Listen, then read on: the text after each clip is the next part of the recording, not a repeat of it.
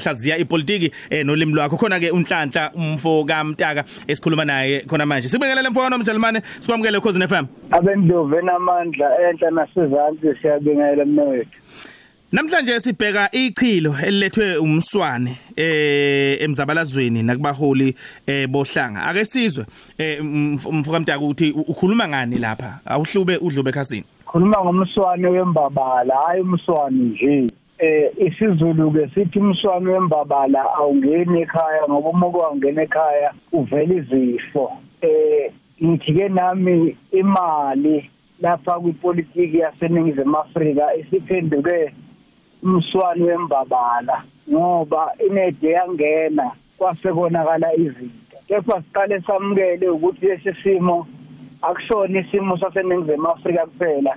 Ube kunesikhathi bengizokulandisa ngokwenzeka eChina ngikwalandisa ngokwenzeka eRussia nakwamanye amazwe. Uma kutholwa inkululeko iyaba khona lento yokuthi laba kade belelwa inkululeko ngaba ngosopolitiki noma ngamaqembu abo bese belingeka kungena umswami embabala ubabone sebethatha imali sebeboshwa sebebandakanyeleka kumachilo amangalisayo.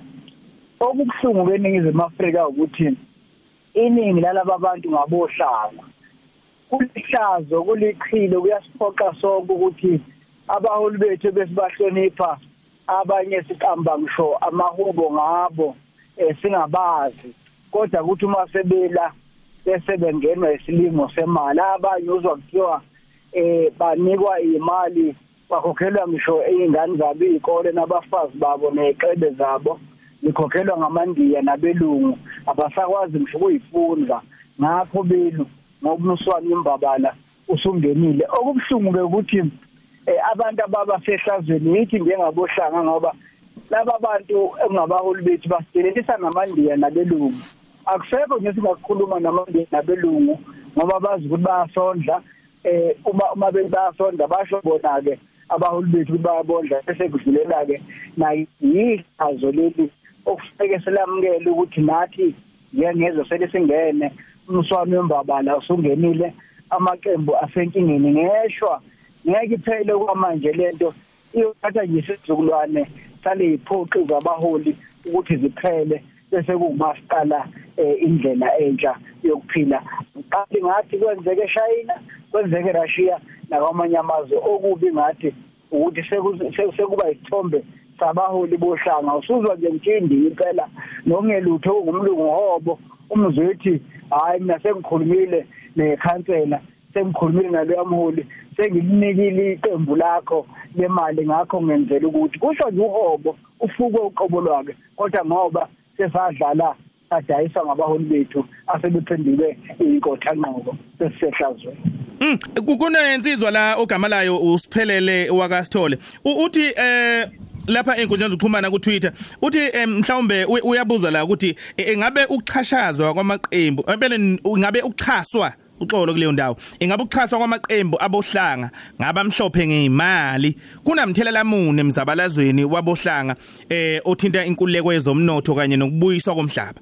Ngoba engathithi umxhasi uma ekunika imali yakhe eh ukubekela imigomo ethize eh ezosebenza ozosebenza ngaphansi kwayo ngendlela izimo azibuka zenzeka ngayo. Usho njalo la umfoka sithole ungathini lapha mfoka mnguni abenguni abasidlalayo banamagama amahle kabachaza lezi zimo. Elinye nje igama lithi ayikhonkoti nethambo. Vese umuntu mayekunika ekuphosela ithambo eh usukazi ukuthi ufuna ungakhonkoti uma kade umsola ngayizolo musu licoshile ithambo ngeke usakhuluma kade ukukhuluma izolo. Noma ngabe bamnyama noma ngabe bamhlophe uba senkingeni uma kwathatha imali yomuntu ngoba ugcina sekuyena sekwelusa ukuthi ikhuluma kanjani. Kodwa okumqoka lapho ukuthi sidlala amadle kwavuma ungcono ke nokuthi eh bayasutha nalabo abantu abanikwa le mali. Hayi amadle kwavuma uthedle enye into wena wabona ubhovu uthodle uthi unenyama. Kodwa usafuna ukuhalela enye into ayibona lapha kude. Eh bathathe yonke imali mungase nje uzwe indaba na na iCommission lekazondo isakhuluma into zeyifundiswa imali lapha. Hamba lapha ezantsi kubantu bakithi abangena komasipala bayofuna amathenda ku- kubantu bakithi abangena eminyangweni lapha ezifundazweni abatholi lutho uthi uyangena kuthiwa khokho okuthiza abanye baze banganikwa imisebenzi yabo. Ngizama ukuthi sisenkingeni ichilo leli eh, elenza amadleko avuma lawa bese beka isithombe esibi ngathi ngoba kuthi nalabo abangenzi ngoba phela kubona bonke kuthi nalabo abangenzi nabo bese kuthiwa hayi ke osopolitiki banje yiko ngithi simeshwa. Okubuhlungu kakhulu mfoka ngoni ngiyacela nabalaleli bake bakuqaphele nale imali ayikhokhelwa abantu bakithi labaholi uzwa kuthiwa nje indoda yonke iboshelwe uthi kodwa eh, abelungu namandiya laba bedle eh, u5 billion. Ngizama ukuthi izinga lokudeleleka nokuyidelela nongayihloniphi liphansi ngalendlela yokuthi uze uyifake obishini ngento obungathi umuhlale phansi wasebenza ubungayenza.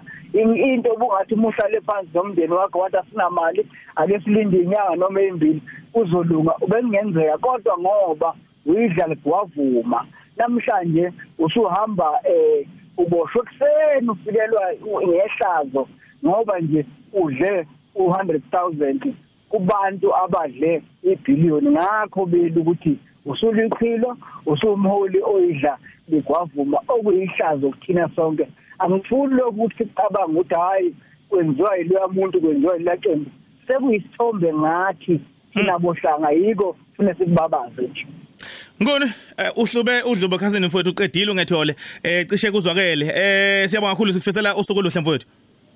Thoza khulu Nhlanhla Mtaka uyamthola ke lapha ke inkundleni zokuxhumana ku Twitter @nhlanhla Mtaka kanti ku Facebook ubheke nje ikhasi elithi ke eh bayede news. Uzokwazi ukubona ke nje ke eh, la khona ke bezobe beqhubeka khona ke nalezi ingxoxo enjengalezi besikhuluma nayo. Inkosi ke lesiba nayo njalo mangomsombuluko ngalesikhathi ebizwa kuthiwa ke eh hlaziya ipolitiki ngolimi lwakho.